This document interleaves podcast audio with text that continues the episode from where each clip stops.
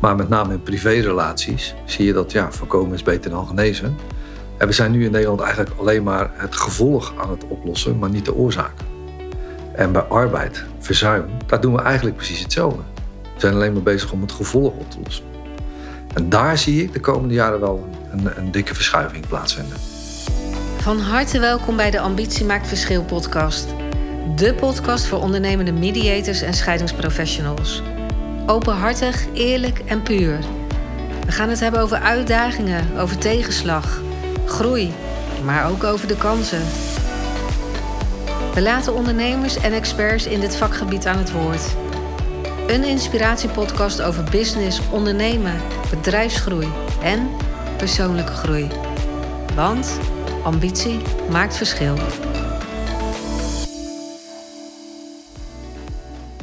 In deze aflevering nemen Erik Baaiens, eigenaar van AMV Opleidingen, en Iris Gundel, ondernemer en mediator, je mee in de ontwikkelingen in mediationland. Ze zoomen in op de kracht van preventie in mediation. Verschuift misschien wel dit hele vakgebied. Want het is nog altijd zo dat voorkomen beter is dan genezen. En wat zijn de maatschappelijke ontwikkelingen als we kijken naar de nieuwe generatie? Kan mediation de brug zijn tussen verschillende generaties? Hoe blijven we aangehaakt met elkaar? Dit en natuurlijk nog veel meer ga je horen in deze boeiende podcast. Ik wens je heel veel luisterplezier. Nou, Erik, uh, daar zitten we dan. Een Ja. podcast over wat wij allemaal voor ontwikkelingen zien in Mediationland. Ja, fantastisch hè? Ik vind dat fantastisch, ja. Ja. Ik vind het heel leuk om daar eens gewoon een gesprek over te hebben. Om te kijken van, ja, wat, wat, wat zien we eigenlijk de komende jaren allemaal? Ja, de komende jaren, maar misschien ook afgelopen jaren. Want daar zit wel een verschuiving, Ja. denken wij in ieder geval. Ja, nou, het afgelopen jaar is natuurlijk sowieso veel gebeurd. Hè, COVID-19 heeft natuurlijk best wel zijn invloed eh, gehad. We zijn eigenlijk wel eh, in de mediation wereld ook keihard eh, geconfronteerd met het feit dat opleidingen ook gewoon online kunnen. En eh, ja, ik denk dat we daar als ANV-opleiding in ieder geval heel goed op ingesprongen zijn. Maar nu ook het, ja, de komende periode zal dat denk ik nog steeds belangrijker ook gaan worden. Het brengt natuurlijk voor iedereen in alle fronten heel veel met zich mee. Jij noemt dan online, maar iedereen moest natuurlijk inderdaad snel schakelen. Zag je ook veel mensen die ja, echt wel voor dat mediation vak kiezen. gekozen, ja. Ja. Zeker. Het wordt een steeds breder eh, draagvlak komt daarvoor. Ja, dus mensen die echt voor dat vak eh, hebben gekozen. Die inderdaad, jij noemt het draagvlak, maar het ook dus online eigenlijk steeds meer nu verschuift. Ja. Ehm, maar er verschuift denk ik überhaupt wel wat meer. We noemen nu COVID, maar überhaupt in de maatschappij zien we denk ik wel veel veranderingen. Als Ja. we het even beperken tot in mediation. Hoe zie jij dat? Ja, de komende jaren gaat het, gaat het hele vak mediation gewoon veranderen. Ja, dat krijgt een hele andere, andere beleving, denk ik. Het wordt steeds meer ingezet op alle fronten waar het maar kan om conflicten te voorkomen. En ik denk dat dat wel een hele goede ontwikkeling is. Maar ja, jij bent natuurlijk een stuk jonger dan ik. Stukje. Een stukje maar. maar hoe zie jij dat? Nou, ik vind het wel grappig dat jij zegt dat het steeds meer wordt ingezet om conflicten te voorkomen. Een paar jaar geleden dacht ik, mediation is best wel suffig, best wel stroef. En conflictbemiddeling in heel duidelijke kaders. Waar ik steeds meer wel toch natuurlijk interesse voor kreeg. In die zin dat het mezelf zoveel heeft gebracht qua manier van kijken naar hoe je nou, de communicatie tussen twee partijen, of er een conflict is of niet, zo goed mogelijk kan faciliteren. Ja. Eh, zo ben ik in ieder geval in dat vak dan ge- gerold. Ehm, en nu zeg jij inderdaad het voorkomen van conflicten. Ik heb vanuit mijn stuk rondom kind en scheiding en familiesystemen eigenlijk me vooral altijd ook bezig gehouden met het oplossen van iets wat al is ontstaan. Maar dat gaat denk ik steeds meer inderdaad naar het voorkomen van iets wat op de langere termijn anders ontstaat. Ja. Dus dat is dan het woord preventie. Wat misschien nu nog in mensen hun hoofd heel erg is dat het dan echt aan de voorkant helemaal moet zijn. Maar het is eigenlijk alles wat iets daarna kan voorkomen. Ja, dat denk ik ook. Je ziet in, in allerlei stukken zie je dat terug. Hè? De, de, in de arbeidsrelaties zie je dat ook. Maar met name in privérelaties zie je dat ja, voorkomen is beter dan genezen. En we zijn nu in Nederland eigenlijk alleen maar het gevolg aan het oplossen, maar niet de oorzaak. En bij arbeid, verzuim, hè, dat is ook een groot eh, voorbeeld, daar doen we eigenlijk precies hetzelfde. We zijn alleen maar bezig om het gevolg op te lossen. En daar zie ik de komende jaren wel een, een, een dikke verschuiving plaatsvinden. En hoe zie jij dat nu dan in de opleidingen nu rondom mediation? Waar, waar zie je dan al die verschuiving, dat je die aanvoelt komen? Nou, de mensen die in de opleiding zitten en die zich bewust worden van de communicatie, zoals jij die net ook noemde, dat als er maar investeren in elkaar om de communicatie op orde te brengen, om elkaar te begrijpen, dan zeggen mensen in de opleiding: ja, logisch dat we dat eigenlijk vooraf beter hadden kunnen voorkomen. Daar moeten we dan toch ook aandacht aan besteden. Dat zijn voor mij signalen waarvan ik denk: ja, er komt dus steeds meer bewustwording dat we gewoon beter met elkaar in verbinding moeten komen, beter met elkaar gaan praten van hoe zie ik eigenlijk de toekomst met jou. En niet alleen als privépartner, maar ook in arbeidsrelaties, in samenwerkingsrelaties. Eigenlijk veel meer kijken van ja, wat vragen we nu eigenlijk van elkaar. Ja, op die verwachtingen. Maar als ik even advocaat van de duivel mag zijn, dan, dan hoor ik jou dus zeggen van ja, als we heel bewust aan de voorkant met elkaar bespreken wat we van elkaar nodig hebben, of hoe we dat zien ook samen, dan kan er natuurlijk altijd nog iets gebeuren. Ja, waardoor je dat allemaal misschien leuk aan de voorkant hebt besproken, misschien zelfs op vastgelegd. Maar ja, dan is dat misschien niks meer waard. Ja, want het, het fijne is als je aan de voorkant met elkaar in gesprek gaat en elkaar beter begrijpt, dan snap je ook dat je tussentijds ook dat moet bijhouden. Dat je echt een relatie krijgt waar je aan moet werken. Dus die ook evaluatieve momenten heeft. Waarin je met elkaar weer gaat kijken van ja, hebben we het eigenlijk nog over hetzelfde als twee jaar geleden of over drie jaar geleden. En in arbeidsrelaties is dat eigenlijk niet anders. En dus ga eens praten met je werknemer om te kijken van ja, waar zit jij nu eigenlijk? hetgeen wat we aan de voorkant hebben besproken, vind je het nog steeds zo leuk hier? Ja, dat is natuurlijk uh, fantastisch als we die kant op kunnen gaan. Ja, dus dat je elkaar heel erg moet blijven aanhaken, continu. Je noemt het even evaluatief. Evaluatief. ja. Dat je continu elkaar moet ja, blijven bevragen en elkaar moet uh, vinden. Die verbindingen moet werken aan alle soorten relaties. Maar dus ook zakelijk continu moet kijken, hoe zit je er nu in? Wat heb je misschien nodig? Waar loopt het misschien minder? Maar, maar hoe zie jij dat? Want jij bent, zoals we net al constateren, een stuk jonger. Jullie generatie, zeg maar, die kijkt daar ook op een bepaalde manier naar. Ja, de jeugd van tegenwoordig. Ja, die zijn tegenwoordig ook al oud geworden, hè? de jeugd van tegenwoordig. Die bent. Nou ja, precies. Dat is mijn generatie. Nee, het is, um, wel interessant, hè? want we hebben het heel vaak over millennials. Overal waar we nu komen gaat het over de millennials. En uh, weinig mensen realiseren zich dat dat nu ook al de mensen in de dertig zijn. Er zijn mensen geboren tussen 1985 en 2000. Eh, dus dat is over een paar jaar al een derde van de arbeidsmarkt. Om even aan te geven dat we zien dat in die generatie dus zoveel verschuivingen zijn in behoeften, waardepatronen, uh, hoe ze kijken naar bepaalde kwesties in de maatschappij. Kijk, een generatie is natuurlijk niet heel veel meer dan een geboortecohort. Dus mensen die in een bepaalde tijd zijn geboren. Ja. Uh, dat lijkt me heel, heel simpel. Maar wat maakt nou toch wel verschillen tussen generaties, is dat dat dus maakt dat jij in een andere tijd van de maatschappij of van ontwikkelingen en gebeurtenissen in de wereld opgroeit. Dus het gaat echt om ja, die periode waarin jij wordt opgevoed volgens normen en waarden, maar ook wereldwijde gebeurtenissen die voor jou dan dus normaal zijn. Of je wel of niet wordt geboren met Facebook, dat dat normaal is en eigenlijk al achterhaald voor de generatie nu. En hoe de generatie twee boven mij, is opgevoed met het idee bijvoorbeeld, uh, doe maar normaal, dan doe je al gek genoeg. Is dat steeds meer gaan verschuiven naar persoonlijke ontwikkeling. Spreek jezelf uit. Ga jezelf onderscheiden. Ga reizen. En ja, is mijn generatie misschien meer opgevoed met doe maar gek, alles is al gewoon genoeg. Ga jezelf dus echt laten zien en, en pak de kansen die er zijn. En de wereld wordt steeds kleiner. En dat bepaalt wel dat je denk ik anders gaat kijken naar werk-privé-balans. Naar uh, echte impact die je misschien wil maken. Wat je hier op de wereld komt brengen. Dat zijn normalere gesprekken, ook met de generaties daarboven, die we nu misschien aan de keukentafel voeren. Wat vroeger misschien veel meer onbesproken werd gelaten. Ja, ja dat, dat denk ik ook. Ik merk dat ook. Hè. Mijn generatie zie je echt gewoon mensen stilstaan. Terwijl ik denk, ja, ga, kijk eens om je heen. Er gebeurt echt heel veel. Digitalisering, het toegang verlenen tot alles wat bereikbaar is. Um, maar hoe kijk jij dan uh, tegen mediation aan in dat kader? Ja, dat vind ik dus heel interessant. Want wat ik zei, een paar jaar geleden dacht ik dat is misschien suffig. Uh, zie ik nu daar de sleutel. In die zin zie ik het als um, nou, echt geborgde communicatie. Heel veel dingen, als we puur kijken op arbeid of op samenwerkingen, uh, zakelijk gezien dus, kan je denk ik niet altijd, als je erin zit, met elkaar oplossen. Dat betekent niet dat er altijd dingen moeten worden opgelost of dingen altijd anders moeten. Maar ik geloof wel echt in de kracht dat je alleen al vanuit nou, en het preventieve stuk, die mindset, maar ook met iemand van buitenaf dat te laten begeleiden, dat je op die verwachtingen veel duidelijker met elkaar gaat zitten. Mhm. Wat ik in zoveel organisaties zie, is dat ehm, het probleem, dus de klacht is, uh, ja, al die jonge mensen die gaan na een paar jaar weg. Ja. En daar zie ik dus de clue van preventieve mediation Van goh, wat maakt dan dat iemand dat besluit? Of dat hij iets niet vindt wat hij zoekt? Of dat er misschien toch niet voldoende ruimte was voor die ontwikkeling die beloofd is? Of dat die verwachtingen dus toch niet helemaal meer stromen. En waar dan de partners in de corporate zeggen van goh, maar je moet gewoon ook hard werken. Ja, iedereen is denk ik bereid hard te werken, zeker in die wereld. Maar ja, dat vraagt wel wat van elkaar op in ieder geval verwachtingsmanagement en in ieder geval dat met elkaar goed blijven afstemmen. Ja. Goh, waar wil je eigenlijk naartoe? Ja, ja ik zie mediation heel erg dat uh, interpretatie. Dus hoe kijk jij de wereld in? Hoe kijk jij naar een bepaalde situatie? Dat dat heel belangrijk is. En dat niet met elkaar wordt afgestemd. Ja, dus dat is het verwachtingspatroon eigenlijk wat jij uh, benoemt.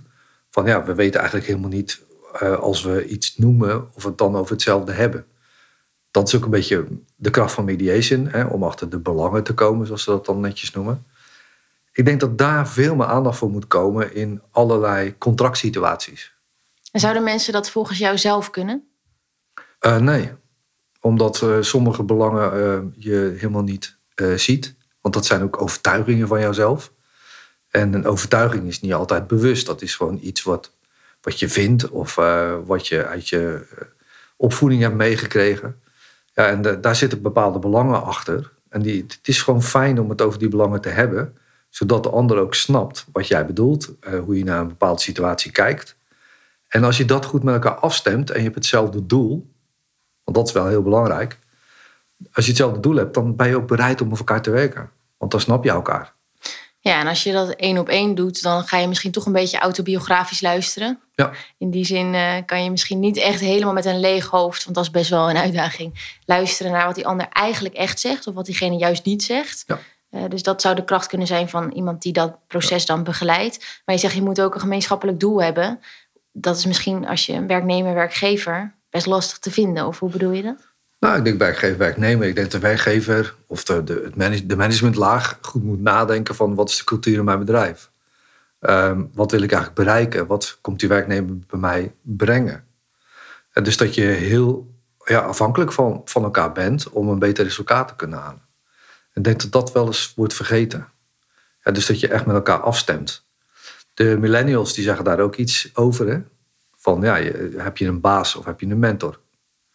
want hoe zie jij eigenlijk die generatie die boven jou zit? Zie jij die ook een rol hebben in dat millennial stuk, zoals jij dat noemt? Ja, de generatie X. Zeker. Ik denk dat. Uh, kijk, ik zoom nu natuurlijk in op de millennial. Maar het gaat natuurlijk om de verbinding tussen alle generaties. En daarbij ook weer de verbinding tussen alle individuen. Want niet iedere millennial vindt dat natuurlijk hetzelfde, gelukkig. Uh, maar die heeft daar zeker een rol in. In die zin wat jij nu zegt, dat het verschuift. Dat we minder de behoefte voelen om gewoon maar domweg uren te maken, maar echt wel iets willen doen met relevantie, met impact. En daarbij niet meer directief per se een leidinggevende willen, uh, maar iemand die ons helpt in onze ontwikkeling en, en ons talent ziet en dat benut en met ons meespart over, goh, wat wil je nog bereiken of wat is voor jou belangrijk? Dus inderdaad meer die mentor. En dat betekent niet gelijk dat alles in zelfsturende teams en horizontaal en uh, bottom-up en al die termen die nog steeds eigenlijk vanuit het heel traditionele denken allemaal worden geroepen dan. Het gaat veel meer om inderdaad hoe kan je elkaar toch wel weer vinden vanuit een stukje die generatiethema's, een stukje vanuit verschuivingen nu in de maatschappij. En of we het dan hebben over COVID of over thuiswerken of over überhaupt dingen die nu wereldwijd gebeuren. Uh, maar dat ook bijvoorbeeld persoonlijke ontwikkeling veel hoger in het vaandel staat. Dat het veel meer gaat over zelfontplooiing, zelfkennis. Dat is nu eenmaal een feit. Dat mensen daar nu heel veel mee bezig zijn. En ik denk dat we die drie pijlers dus gewoon allemaal moeten zien als feit. En hoe kunnen we inderdaad cultuur, de omgeving, maar ook onze gesprekken en vooral dus onze verbinding, of dat nou een samenwerking is of samenwonen of samen een bedrijf starten. Of hoe kunnen we dat nou vooraf zo goed mogelijk met elkaar inrichten op ook alle mogelijke scenario's die hopelijk tegenwoordig niet meer zo vreemd zijn. Ja. Maar misschien vroeger nog een taboe was dat er een conflict kon ontstaan of dat je misschien kon gaan scheiden. Dat is nu denk ik allemaal iets meer, nou ja, mogelijk. Dat we dat allemaal iets meer relativeren. Dat dat heel realistische scenario's ook kunnen zijn. Ja, ik kom uit de financiële wereld. Hè. Dat, dat weten ook best wel veel mensen, denk ik. Maar daar spreken we heel over live events. Je kan gaan scheiden, je kan doodgaan, je kan arbeidsongeschikt worden, werkloos. Nou, het zijn allemaal eh, relevante risico's die je in je leven kan, eh, kan leiden. En die live events, daar moet je het eigenlijk gewoon met elkaar over hebben. in een relatie, maar ook in een arbeidsrelatie. En dus op het moment dat je gaat samenwerken of samen gaat wonen of wat dan ook, dan is het gewoon belangrijk dat je het daar met elkaar over hebt. Dus over toekomstscenario's. Van ja, stel dat ik arbeidsongeschikt raak, wat, hoe, hoe gaan wij daar eigenlijk mee om? wat vind jij daarin belangrijk? Hoe zie jij dat? Ja. En daar kan de, de, de, de oudere generatie, die kan daar zeker wel wat aan bijdragen. En ik denk dat mediation dan ook de brug zou kunnen zijn tussen generaties. Ja. En dan wordt het eigenlijk een gedrag- en vaardigheidstoel en niet echt een beroep. En zo zie ik het ook echt. Ja, en in mijn generatie vinden veel mediators nog dat ze een beroep hebben. Ik denk dat het echt een communicatietool is, die heel belangrijk is overigens, want het is een lastige communicatietool. Maar dat je wel met expertises moet gaan werken om te zorgen dat je die generatie wel kan blijven bedienen. Ja, ik vind het ook zeker wel echt een vak.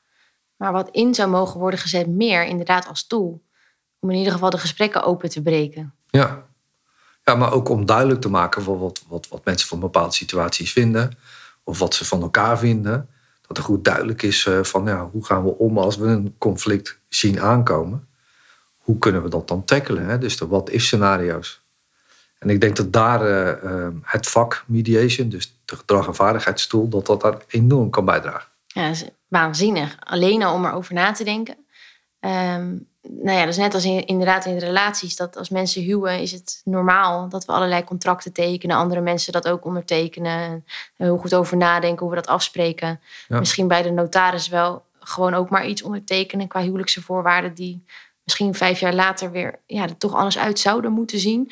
Ehm, en dan met het stuk kinderen krijgen, spreken we niks voor af. Ja, ik, uh, ik, ik, ik, zou het eerst niet willen zeggen, maar ga het toch doen. Het verschil tussen huwen en trouwen is voor mij echt een, een, een, ja, een mega eye-opener voor veel mensen. Het huwelijk, dat sluit je af bij de de beukstand. En dan heb je het idee dat je ja zegt tegen je partner, tegen je nieuwe partner. Maar je zegt ja tegen de wet. Dat weten veel mensen helemaal niet. Ja. Maar je zegt eigenlijk gewoon ja tegen een contract. Een huwelijk is gewoon een contract. En het gek is dat dat contract bespreken we helemaal niet met elkaar. Dat is raar eigenlijk. Ja. Terwijl als je gaat trouwen, dan betekent dat dat je op een bepaalde manier trouw aan elkaar belooft. En de vorm van die trouw, die bepaal je zelf. Ja, welke afspraken je met elkaar wil maken, hoe je dat wil doen. Ja.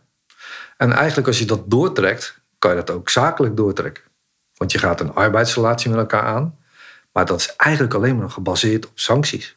Van ja, als jij dit niet doet, dan gebeurt er dat. Boetes. En, Boetes, ja. Uh, concurrentiebedingen, uh, ja, neem het. Dat wil ja. niet zeggen dat je zonder concurrentiebedingen moet gaan werken. Maar is dat niet ook een what-if?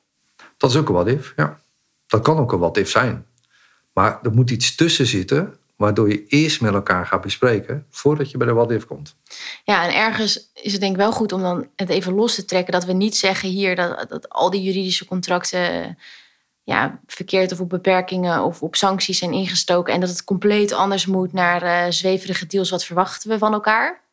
Helemaal maar niet. wel zo. echt iets daartussen. Ja, echt zorgen dat je uh, niet bij die what-if scenario's komt. Precies. Uh, dus dat, dat we de echt complete rechtbank ontlasten.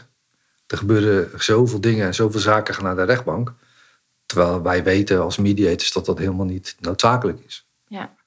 En dat is een stuk voorkomen al in de tussenfase en dan nog helemaal daarvoor. Ja. Zou je dat dus ook al kunnen realiseren? Dat je op die manier je relatie continu blijft ontwikkelen eigenlijk. Als je het helemaal voorafgaand allebei op eigen verantwoordelijkheid heel bewust bespreekbaar maakt. Ja. In plaats van dat je het juridische contract met elkaar tekent uit ja, vangnetgedachten. Van goh, Ja. ik, ik ben jouw werkgever en ik vind dit wel fijn dat ik dit dan in ieder geval met jou kan afspreken. De werknemer is misschien, eh, ja, hoort er ook bij, zo'n arbeidscontract ondertekenen. Maar wat het echt in gaat houden straks in de praktijk, of hoe we kunnen voorkomen dat het inderdaad bij die sancties gaat komen, dat zit allemaal daartussen op preventieve begeleiding. Precies, ja. Gewoon preventieve begeleiding. Hè? Dus dat je echt evalueert van oké, wat hebben we met elkaar afgesproken. Dus de, de sollicitatiegesprekken bijvoorbeeld kunnen er heel anders gaan uitzien. Ja. Van ja, wat verwachten we dan eigenlijk van elkaar? Niet van ja, bij werknemer, jij gaat achter dat bureau zitten en je gaat dat doen per dag. Ja, ook nog van 9 tot 5. Nou, volgens mij past dat helemaal niet bij de nieuwe generatie. Ja. Of wel?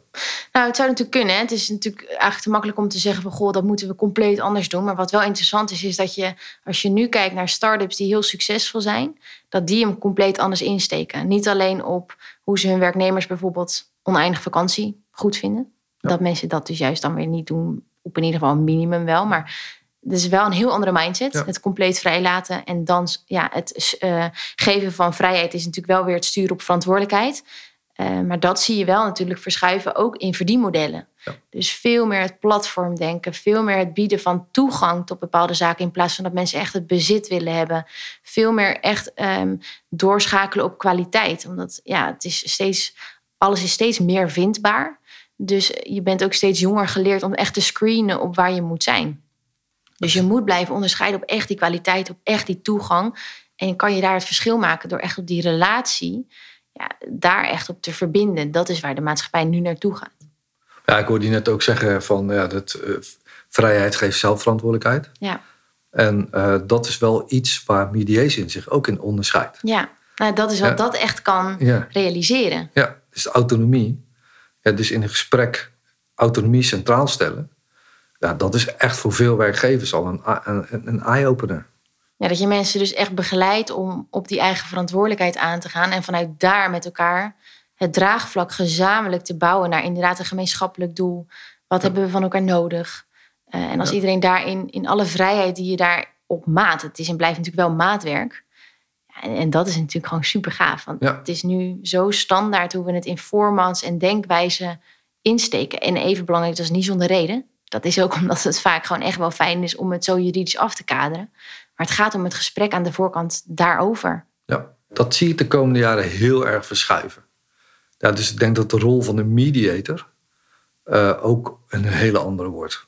dus dat die veel meer niet conflictgedreven is, maar relatiegedreven. En relatiebehoud, wat dus heel belangrijk is voor mediation. want dat, dat is de reden waarom mensen bij jou aan tafel zitten om te zorgen van ja, ik, er is een situatie ontstaan waar we het niet mee eens zijn. Komen samen niet uit. Maar we vinden het wel belangrijk dat wij als relatie straks verder kunnen. Nou, stel je voor dat we dat aan de voorkant, dat relatiebehoud eigenlijk al centraal stellen. Ja, dat, dat zou toch waanzinnig mooi zijn. in plaats van conflictgedreven, dus relatiegedreven.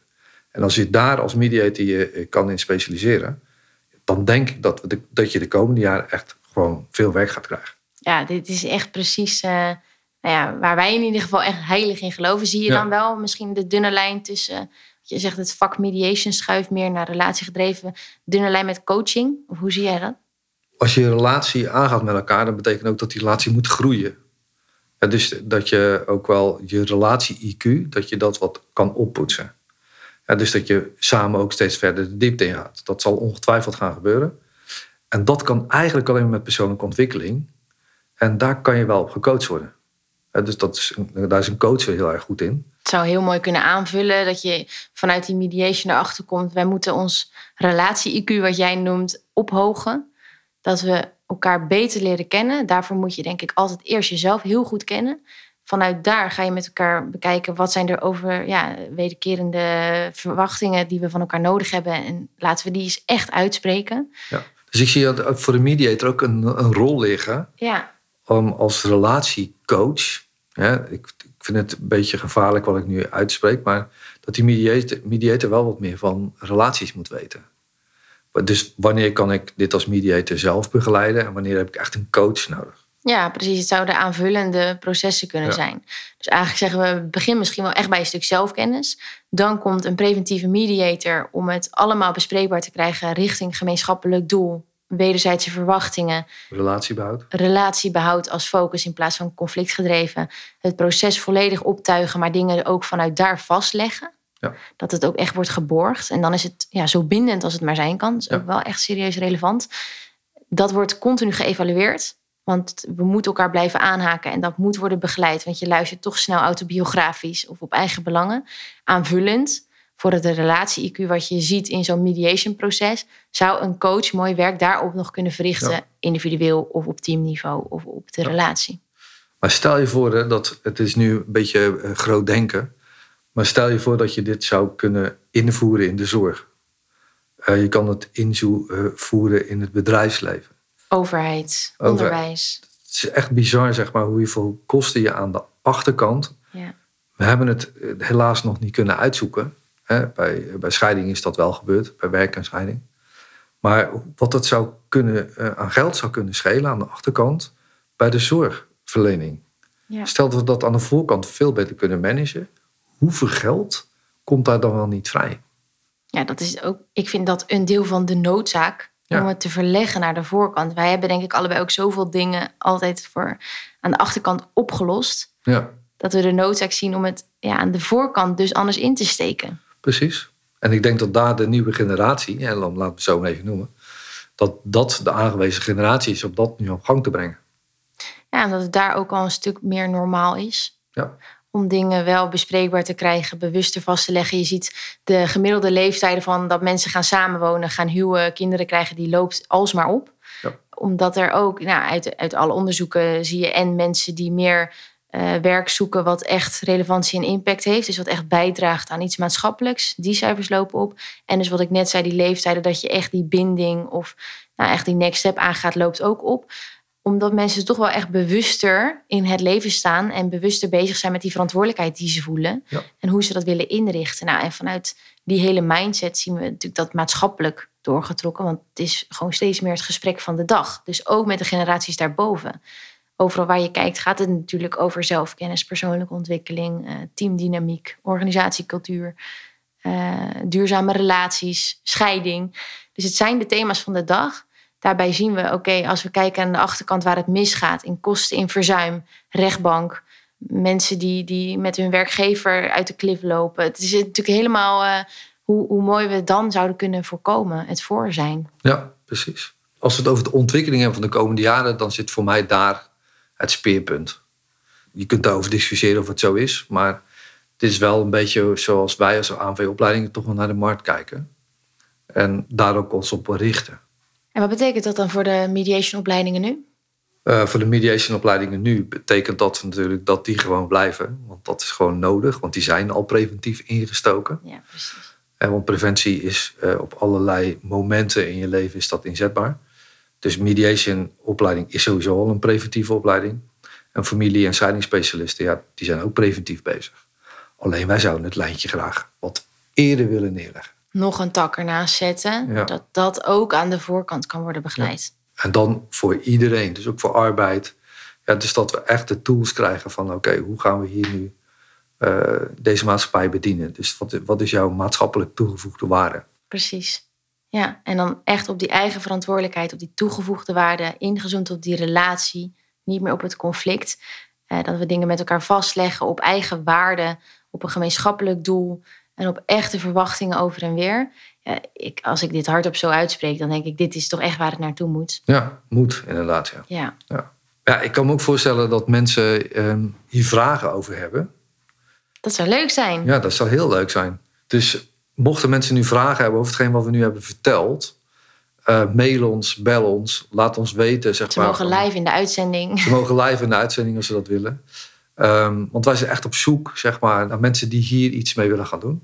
Ja, of die hier ook iets van vinden. Ja. Die, die reuring is natuurlijk nodig. Hè? Soms moet je een steen in de vijver gooien. Wil de essentie boven komen drijven. Dus laat vooral weten inderdaad ja, hoe dit verhaal bij jou binnenkomt. Of wat misschien jouw vragen daarover zijn. Of als je daar inderdaad zelf iets mee zou willen. En in wat voor context dan ook. Ja, dat vinden wij natuurlijk mega gaaf om dan over mee te denken. Of Ja. dat gesprek aan te gaan. Er zijn al een aantal initiatieven, ook eh, Nederland breed, die daar eh, mee aan de gang zijn. Daar zijn wij eh, ook bij betrokken. Dat is echt hartstikke leuk om, om dat te zien en om te doen. Ja. Dus we zullen hier zeker hier nog op terugkomen. ja, en blijf ook aangehaakt mocht dit thema je raken. Ja, zeker dat. Ja. Heb jij als millennial nog iets toe te voegen aan dit gesprek? Hebben we altijd iets toe te voegen, denk je natuurlijk zelf. nou, ik denk samenvattend dat het echt gaaf is dat je dus... We zijn begonnen in deze podcast van... Goh, welke ontwikkelingen zien wij in mediationland? Als we dan die terugblik pakken, zien we al dat we in ieder geval binnen ANV... al sowieso dat preventieve karakter erin hebben verwerkt. Eh, maar dat het nu, eh, het zij door COVID, het zij door de nieuwe generatie... het zij door überhaupt maatschappelijke ontwikkelingen met online... eh, kan nog wel even doorgaan, dat dingen verschuiven. Ja. En het enige constante is verandering. Maar laten we daar vooral dus ja, de handen voor ineens slaan. Figuurlijk gesproken nu. Om daar ja, dat juist te benutten. En met elkaar dus echt veel meer te kijken naar ja, waar zit het nou echt die kracht op die verbinding, op preventie, op relatiebehoud. Uh, zijn wij er in ieder geval van overtuigd dat als je dat met elkaar ja, in blind vertrouwen uitspreekt, op tafel krijgt, het psychologische contract met elkaar durft te sluiten. En dat dat door echt een specialist zo goed mogelijk uh, kan worden vastgelegd. En dan ga je zo'n compleet andere verbinding met elkaar aan, in plaats van een juridische binding. Eigenlijk wordt de wereld dan gewoon een stukje mooier. Ja, daar doen we het voor natuurlijk. Daar doen we het voor. Ja, nee, het is... Uh, heb jij nog iets toe te voegen in jouw uh, generatie Zeker. B? Zeker. Ik denk dat, dat de generatie waar, waar ik in zit, dus de generatie X, zoals jij dat dan noemt, ja, die zullen echt met een open mind hiernaar moeten blijven kijken en moeten volgen. En kijken van wat gebeurt hier nu? En de ervaring die daarin zit, want er zit heel veel ervaring in die generatie, dat die ervaring die moet naar de volgende generatie. Want daar, zij kunnen zonder die ervaring ook niet verder. Maar sla de brug. Zorg dat je in gesprek gaat. Dat is eigenlijk eh, de boodschap die ik wel mee wil geven. Alles bespreekbaar, bouw de brug. Ja. En hoe mooi wordt dan de hele maatschappij? Ja. En, hoe, het de wereld. En hoe belangrijk is dan mediation? Als tool. Als tool. Als vak. Ja. En als ja, noodzaak om nu aan te kunnen bieden. Precies. Dankjewel. Ja, jij ook. Inspirerend. Ik word er in ieder geval heel enthousiast van. Ja. Dank jullie wel voor het luisteren. En tot de volgende keer.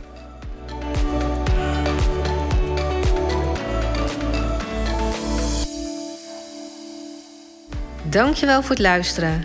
Uiteraard hopen wij dat jij hier nieuwe inspiratie of inzichten uit hebt gehaald voor weer een volgende stap. Als je met plezier hebt geluisterd en je bent nog niet geabonneerd op onze podcast, abonneer je dan via je favoriete podcast-app. Je kunt natuurlijk ook een review achterlaten. Daar zijn wij enorm blij mee. En als je vindt dat andere ondernemers naar deze podcast zouden moeten luisteren, deel deze podcast dan gerust met je netwerk.